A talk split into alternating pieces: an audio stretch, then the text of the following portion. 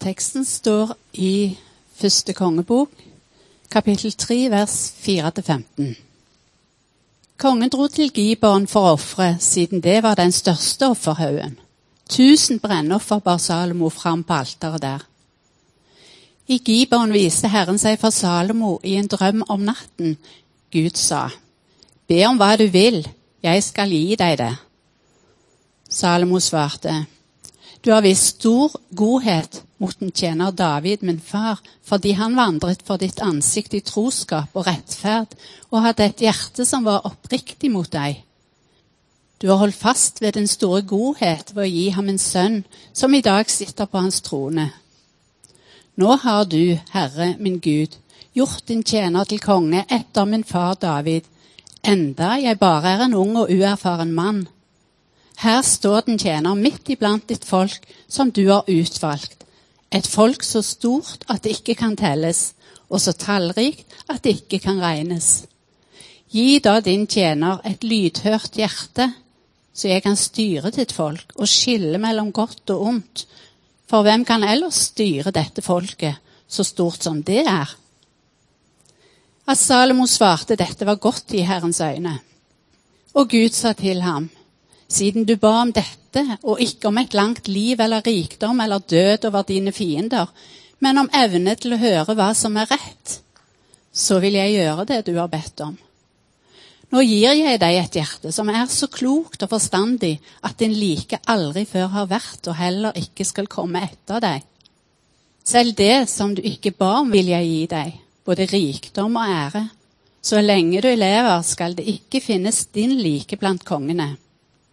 Og hvis du vandrer på mine veier og holder mine lover og bud, slik som din far David gjorde, vil jeg gi deg et langt liv.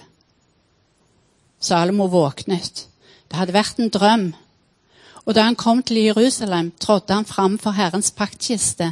Han ofret brennoffer, bar fram fredsoffer og holdt festmåltid for alle sine tjenere.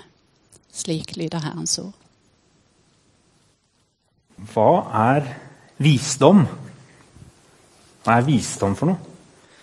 Ja, vi kan jo gjøre sånn som jeg da ofte gjør. ikke sant? Da gjør jeg et søk på Internett. Slår opp på Google, og så tenker jeg hva er det noen kloke folk som har sagt noe om hvordan vi skal liksom definere hva visdom er. Det er lett å tenke sånn. er det ikke sånn dere gjør de fleste av dere, når dere liksom tenker, ja, men visdom, hva er det egentlig det ordet? Det kan sikkert bety mye forskjellig i forskjellige sammenhenger. Og så slår vi opp, og så, og så finner jeg ut at på forskning.no så har de også stilt seg det spørsmålet og funnet ut at det er, en, eh, det er noen forskere i San Diego som da har tatt for seg 30 internasjonale eksperter som hadde produsert forskningsartikler om visdom. Og Spørsmålet i undersøkelsen det var hva skiller intelligens og visdom. Annet. Og Det var en bred enighet om at visdom det er et viktig ord, og det er en enda viktigere egenskap. Og Så kom de fram til noen fellespunkter. Det var som følger. Visdom det er noe som bare mennesker besitter, altså ikke dyr. Visdom det er en avansert og erfaringsdrevet form for tankemessig og følelsesmessig utvikling. Visdom er en personlig egenskap. Visdom kan læres, den kan vokse med alderen, og det er mulig å måle den. Okay. Visdom kan antagelig ikke økes ved hjelp av medikamenter. Ja, jeg vet ikke om dere ble klokere av forskning.no. Men det vi kunne trekke ut av dette lille eksempelet, det er jo at visdom, ordet visdom det lar seg liksom ikke helt fange av presise definisjoner og ordforklaringer som vi ellers er så flinke til.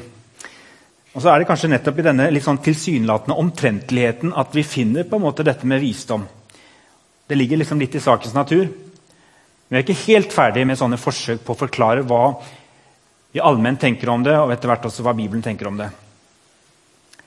Jeg tror det er sånn at Ironisk nok så er det lett for oss å tenke eller forveksle visdom med informasjon, kunnskap som vi henter ut. At Hvis vi bare får nok informasjon om en sak, aspekter av en sak og nok perspektiver inn, ja, så, så hjelper det oss til å bli visere. Jeg må bare innrømme at av og til så går jeg i den fella sjøl. Og tenker at eh, jeg er blitt mye mye visere med årene fordi jeg har sett så veldig mange sider av en sak og erfart eller lest at det fins så veldig mange ulike måter å svare på noe på. Og så tenker jeg at Der ligger nok kilden til min tilårskomne visdom. Og så tenker jeg at jeg lett kan forveksle visdom med veldig mye tilgang til informasjon hurtig. Og Da kan vi jo spørre oss om verdens befolkning, eller vi generelt, kanskje på kunnskap, men på verdier og på godhet og på det som kan føre verden videre, menneskeheten framover, tror vi at eh, vi er blitt visere med all den tilgangen på informasjon hurtig som vi har nå i dag?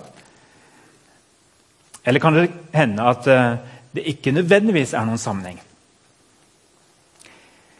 Det er Noen som har sagt at visdom det er kompetanse på livets realiteter og mener at Da nærmer vi oss litt det som er Bibelens måte å tenke visdom på.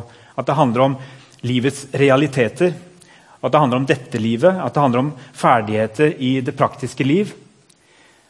Jeg syns det er litt eh, viktig å være klar over at det fins veldig mye visdomslitteratur i hele Bibelen, men det fins veldig mye spesielt knyttet til det som har med ordspråkene, som tilskriver Salomo, forkynneren, og også Jobbs bok regnes for visdomslitteraturen. Men det som er veldig spesielt med ordspråkene, det er at de konsentrerer på en måte noe som jeg tror er veldig viktig for oss å få fatt i. i forhold til det å være kristen, eller som kanskje mange der ute ikke er klar over. og det er at det å være en kristen handler ikke bare om frelse og det neste liv. Men det handler om at Gud vil ha noe med våre helt hverdagslige valg å gjøre. Og at han ønsker å øse av kilden til visdom som allerede kommer i form av skapelsen, men også som kommer i form av sitt åpenbarte ord, og at det finner vi spor av allerede i Gamle testamentet. Denne visdommen som, som, var praktisk og jordnær. Noen ganger tenker jeg Når dere snakker med folk som sjelden har lest i Bibelen, eller vet lite om hva Bibelen handler om, ta gjerne en tur med dem innom Salomos ordspråk.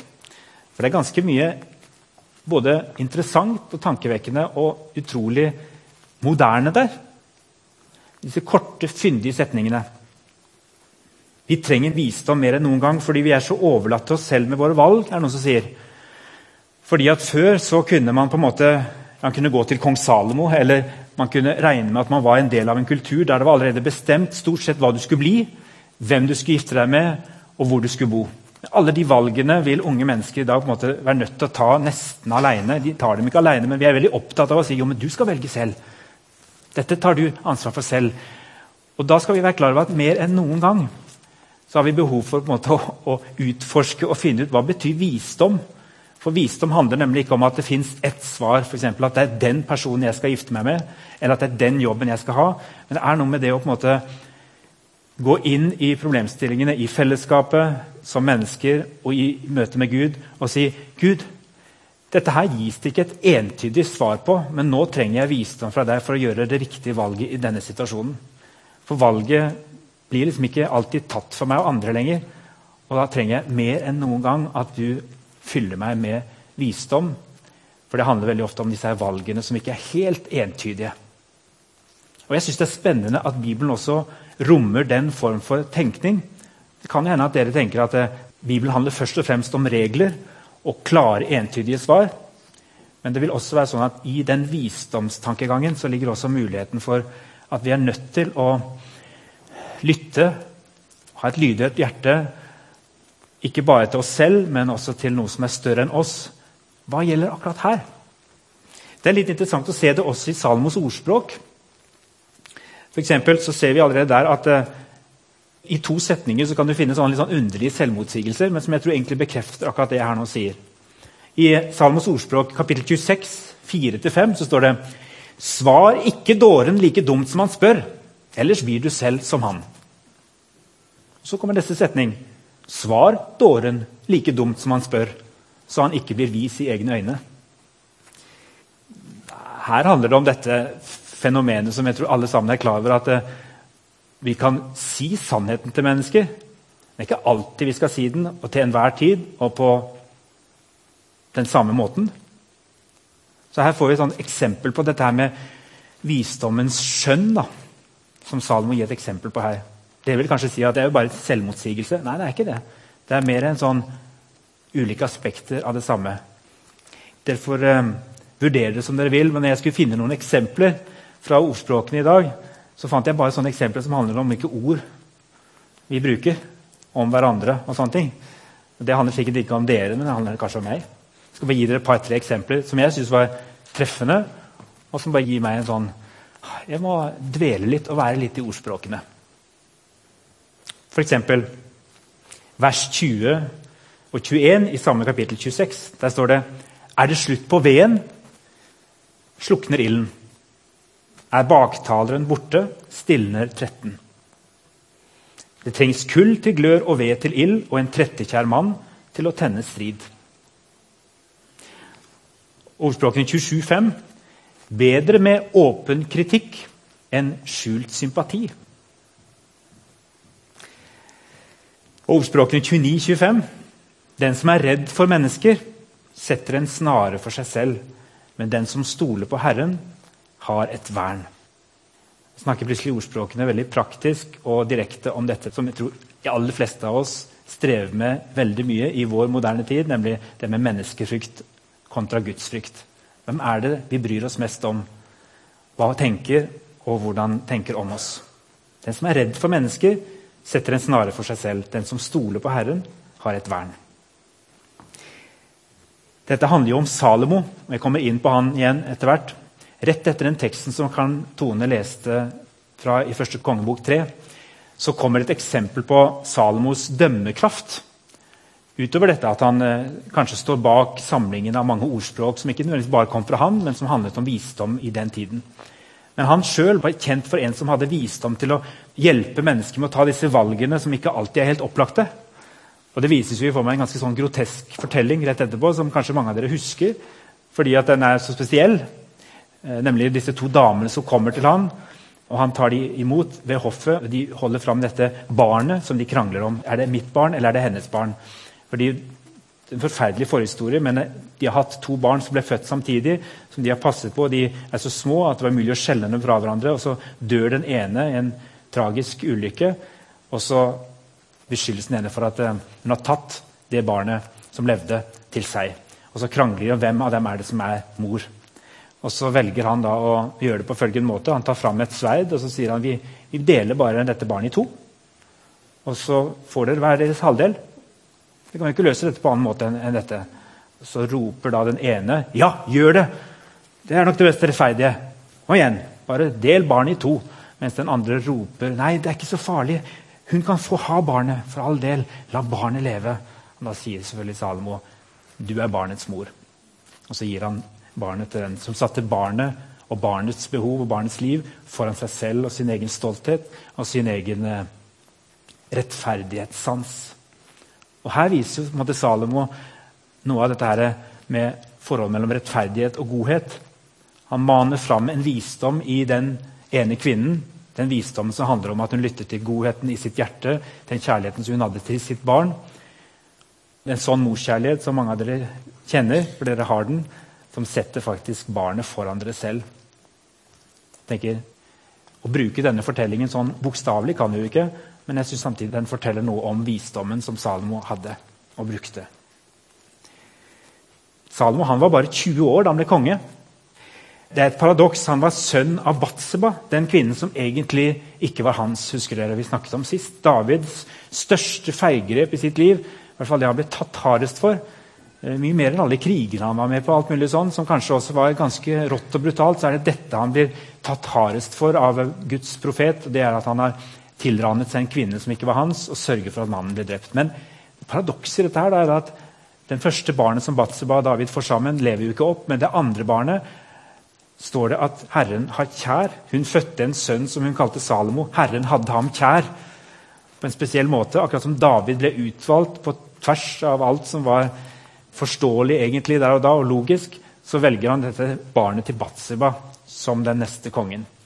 Han har han kjær på en spesiell måte. Det syns jeg på en måte ikke si det er skjebnens ironi, for det, det, handler ikke om her, men det handler jo noe om den nåden, Guds nåde som skinner gjennom hele Det gamle testamentet. Om at eh, vi får ikke som fortjent. En Guds godhet bryter gjennom. Han velger seg mennesker, han bruker oss mennesker, tar oss inn i sin plan Mer på tross av enn på grunn av. Og sånn er det. Og så sier Salomo rett etter at eh, han har måttet på en måte kjempe seg litt til makten gjennom noen sånne intriger mellom han og brødrene. For det var ikke opptatt at det var Salomo. Det var like logisk at det var en av de eldre brødrene som skulle få kongemakten. Men det var Salomo som skulle bli konge etter David. Og Da møter han Gud i en drøm, og da sier Gud til Salomo Be om hva du vil, og jeg skal gi deg det. En ganske fascinerende setning. Be om hva du vil, og jeg skal gi deg det. Og så vet vi hva Salomo ba om, for det har vi hørt lest nå, men stopp bare litt opp og spør deg sjøl. Hva ville du ha svart hvis du hadde fått den muligheten til å be om hva du vil, og vite at du ville få det? Der er du er i livet nå? For at det livet du har foran deg, eller det du har bak deg.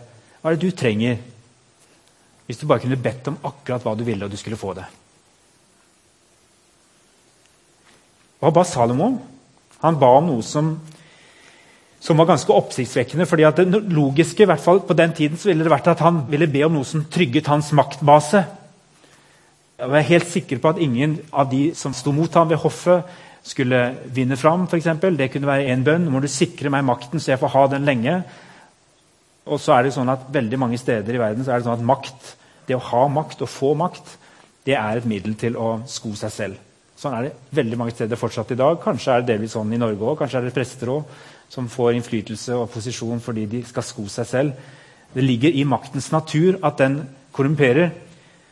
Mange steder i verden så forstår ikke folk at det er mulig å tenke seg en leder som egentlig er en tjener for dem. For det tjenende lederskapet eksisterer ikke i deres forståelse. For å, har du først fått deg en posisjon, fått deg makt, så er det en selvfølge at du utnytter den for å sko deg selv og din familie. og de som er rundt deg. Og Derfor er det oppsiktsvekkende denne bønnen, lederskapsbønnen som Salomo ber. For han ber nå har du, Herre min Gud, gjort din tjener til konge etter min far David, enda jeg bare er en ung og uerfaren mann. Her står din tjener midt iblant ditt folk som du har utvalgt, et folk så stort at det ikke kan telles, og så tallrikt at det ikke kan regnes. Gi da din tjener et lydhørt hjerte, så jeg kan styre ditt folk og skille mellom godt og ondt. For hvem kan ellers styre dette folket så stort som det er? At Salomo svarte dette, var godt i Herrens øyne. Noen helt korte stikkord i denne bønnen. Han sier 'jeg er ung og uerfaren'. Han viser en ydmykhet. Jeg er ung og uerfaren. Her er jeg. Jeg har status, jeg har makten, jeg har fått posisjonen, men jeg erkjenner at jeg er fortsatt ung og uerfaren. Og Så sier han 'jeg er din tjener', og det viser noe av det der tjenersinnet, både underordningen under en gud som var større enn han selv, at man visste var den som i praksis hadde gitt ham denne privilegium og posisjonen som han hadde fått. Var ikke noe han hadde kunnet fortjene. og Derfor kan han også ha den rette holdningen til Gud. Jeg er først og fremst en tjener, og så har han også en tjenende holdning til de han skal være konge for. Han ber om et lydhørt hjerte. Og Det handler om å være lyttende både til Gud og til mennesker. tenker jeg. Leve med et lydhørt hjerte. Vi har snakket om flere ganger i løpet av gudstjenesten i form av bønn. og ulike måter. Hva betyr det? Hva betyr det for oss? For at vi skal kunne styre og skille mellom godt og ondt. Og Da setter han folket i fokus og deres velferd, og ikke seg selv og sin maktbase. Jeg trenger alt dette, Gud, for hensikten med at jeg er konge, det er at jeg skal kunne dømme rett med disse menneskene som du har satt meg til å tjene. Og Da sa Gud til ham, siden du ba om det og ikke om et langt liv eller rikdom eller død over dine fiender, men om evne til å høre hva som er rett, så vil jeg gjøre det du har bedt om. Og nå gir jeg deg et hjerte som er så klokt og forstandig at din like aldri før har vært og heller ikke skal komme etter deg. Selv det som du ikke ba om, vil jeg gi deg, både rikdom og ære. Nå er ikke dette noe vi skal spekulere i. Det er noen som sier at tienden er så bra. Det der å gi penger til Guds rike er så, det er så bra, det gir så god effekt at de nesten skulle kunne begynne å spekulere i det. Burde gi masse penger, for vi, vi, får så mye tilbake. Dette kan vi jo spekulere i. Det er jo ikke det vi skal gjøre med en sånn bønn som dette. at ok, Hvis vi bare ber denne bønnen på en mest mulig from måte, så vil vi få alt det andre vi egentlig har lyst til i tillegg. Men merker dere slektskapet mellom denne bønnen og noe av det Jesus ber oss om å be? Når han sier i et avsnitt i Bergpreika der han også nevner Salmo for øvrig, i forbifarten, og så sier han søk først Guds rike og hans rettferdighet, så skal dere få alt det andre i tillegg.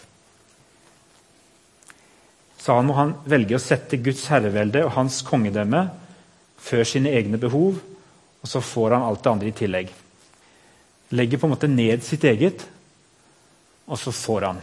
Så Ser dere igjen et sånt mønster i noen av disse fortellingene som vi har hørt tidligere, bare i høst, men også i vår? Jeg tenker på Abraham, som er i den grusomme fortellingen der han er villig til å ofre sønnen sin. Vi skal ikke gå inn igjen på den, men Der snakka vi også om at det er et eller annet her i forhold til det der å overgi det aller mest kjære og si at 'det er ikke mitt'. Du får ta det, Herre, hvis det er sånn. Det som er aller mest dyrebart for meg, det skal du få lov til å forvalte. Og Så kommer hun Nomi og Ruth, som er villige til å gi opp støtten fra Ruth, eh, svigerdattera, og sier du får være her, jeg skal klare meg aleine. Så gir hun på en måte opp det privilegiet eller den støtten som er i den familien, og så får hun i neste omgang tilbake. Fordi hun er villig til å sette andres behov foran seg selv. Og jeg tror også sette Guds rike foran sine egne behov. Gud ser jo til oss. Gud ser til våre behov. Gud ser hva du trenger. Du trenger nesten ikke å be han om hva du trenger til ditt daglige liv og til morgendagen. Hvis du ber om å få lov til å være en del av Guds rikes plan. Da er jo du en del av det nå.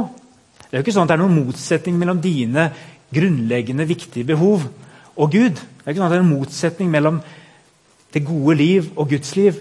Men det er noe med det å flytte fokus og perspektivet opp og våge å stille, si den bønnen. Hva, hva, hvordan vil det se ut, Gud, hvis du får lov til å ta ansvar for mitt liv? og for det som styrer mitt liv, og for det jeg skal gjøre med mitt liv.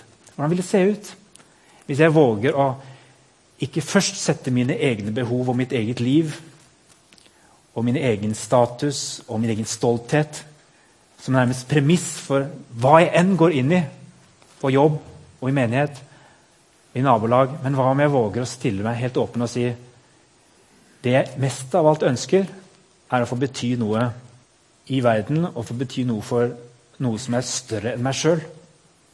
Da vet jeg at jeg også er en del av det. Og så får du ta deg av meg, Gud. Og jeg tenker at En liten konkretisering for meg det kan hende det er noe som jeg gjentar til det kjedsommelige, men jeg tenker at dette handler om ikke om å være statsledere, og det handler ikke nødvendigvis om å være menighetsledere, men det handler om å være åndelige foreldre, som Salomo på et vis ønsket å være. Han ønsket å være en som tok på alvor at noen ville komme til han og se på han som en som representerte visdom og klokskap. og Han ønsket å kunne gi dem det de trengte i den enkelte situasjon. og Da handlet det om å være til stede for sånne som disse damene som kom til land. Og Hvem er det vi er åndelige foreldre for? Og våger vi å stille oss åpne for Gud til å bli brukt for noe som er større enn oss sjøl? Det er noen som trenger oss, og som ser til oss. Hva betyr det der jeg er i mitt liv nå? Og stille meg åpen for at uh, ikke nødvendigvis er meg og mitt liv og min videre karriere eller selvrealisering som er det viktige, men det er det å legge ned mitt eget og spørre hva er det du vil, Gud? Hvem trenger meg? Gi meg visdom i møte med det. Og så går vi inn for landing. Bare igjen Disse eksemplene fra Gammeltestamentet de, de er jo ikke bare solskinnshistorier. Og selv om vi hører og tror at vi tenker at visdom er noe vi får mer av etter hvert som vi blir eldre, så er jo historien om Salomo et eksempel på det motsatte. dessverre. Han var kanskje av de få som var klokest tidlig i sin karriere. Men han fikk så mye status og rikdom, og han ble så involvert i politikk at han til slutt mistet noe av den lydhørheten, hjertets lydhørhet og som gjorde at han faktisk tapte noe av den velsignelsen som han hadde fått. Og det er faktisk også mulig. Vi snakker ikke her om frelse og evig liv, og sånne ting, men vi snakker om det gode liv her og nå. Det tapte han fordi at han eh, bl.a. Eh, valgte å, å, gifte seg. og For å få ma mer makt så valgte han å få 300 medhustruer, og de førte hans hjerte på avveie. Det Det er jo ikke lett å leve riktig når man har 300 medhustruer. Det var da Salomo ble gammel at kona hans fikk vende hans hjerte til andre guder. Hans hjerte var ikke lenger helt med Herren hans Gud, slik hans far Davids hjerte hadde vært. Han fulgte andre guder. Og Derfor ble riket delt etter hans død. Ikke mens han levde, men etterpå, står det. Egentlig så ble aldri Juda og Israel ett rike igjen etter det.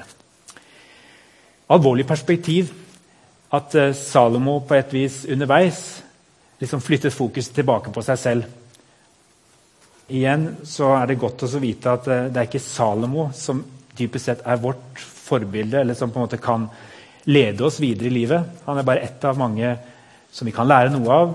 Men det er én Davids sønn som har maktet å stå løpet helt ut, og som var lydig helt til døden for vår skyld. Og når han står opp igjen, så gir han også del av den visdommen som kommer fra Skaperen. Vi kan få del i denne visdommen som, som ikke står i motsetning til noe av den visdommen i Gammeltestamentet, men som fullfører den på et vis. I glimt her i dette livet, og en gang for alltid. For visdommen, den kommer fra Gud, vår skaper.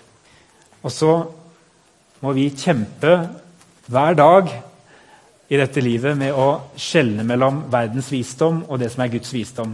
Det er ikke alltid det samme folk der ute sier er visdom, som Gud sier er visdom. Han sier noe om det. Paulus i Det nye testamentet. Jeg vil avslutte med det. bare lese, For ordet om korset er dårskap for dem som går fortapt. Men for oss som blir frelst, er det Guds kraft. Jeg vil ødelegge de vises visdom, og de klokes klokskap vil jeg gjøre til intet. Hvor er da de vise, hvor er de skriftlærde, hvor er denne verdens kloke hoder? Har ikke Gud vist at verdens visdom er dårskap? For da verden ikke brukte visdommen til å kjenne Gud i hans visdom, besluttet Gud å frelse dem som tror, ved den dårskapen som vi forkynner. For jøder spør etter tegn, og grekere søker visdom, men vi forkynner en korsfestet Kristus. Han er en snublestein for jøder og dårskap for hedninger, men for dem som er kalt, både jøder og grekere, er Kristus Guds kraft og Guds visdom.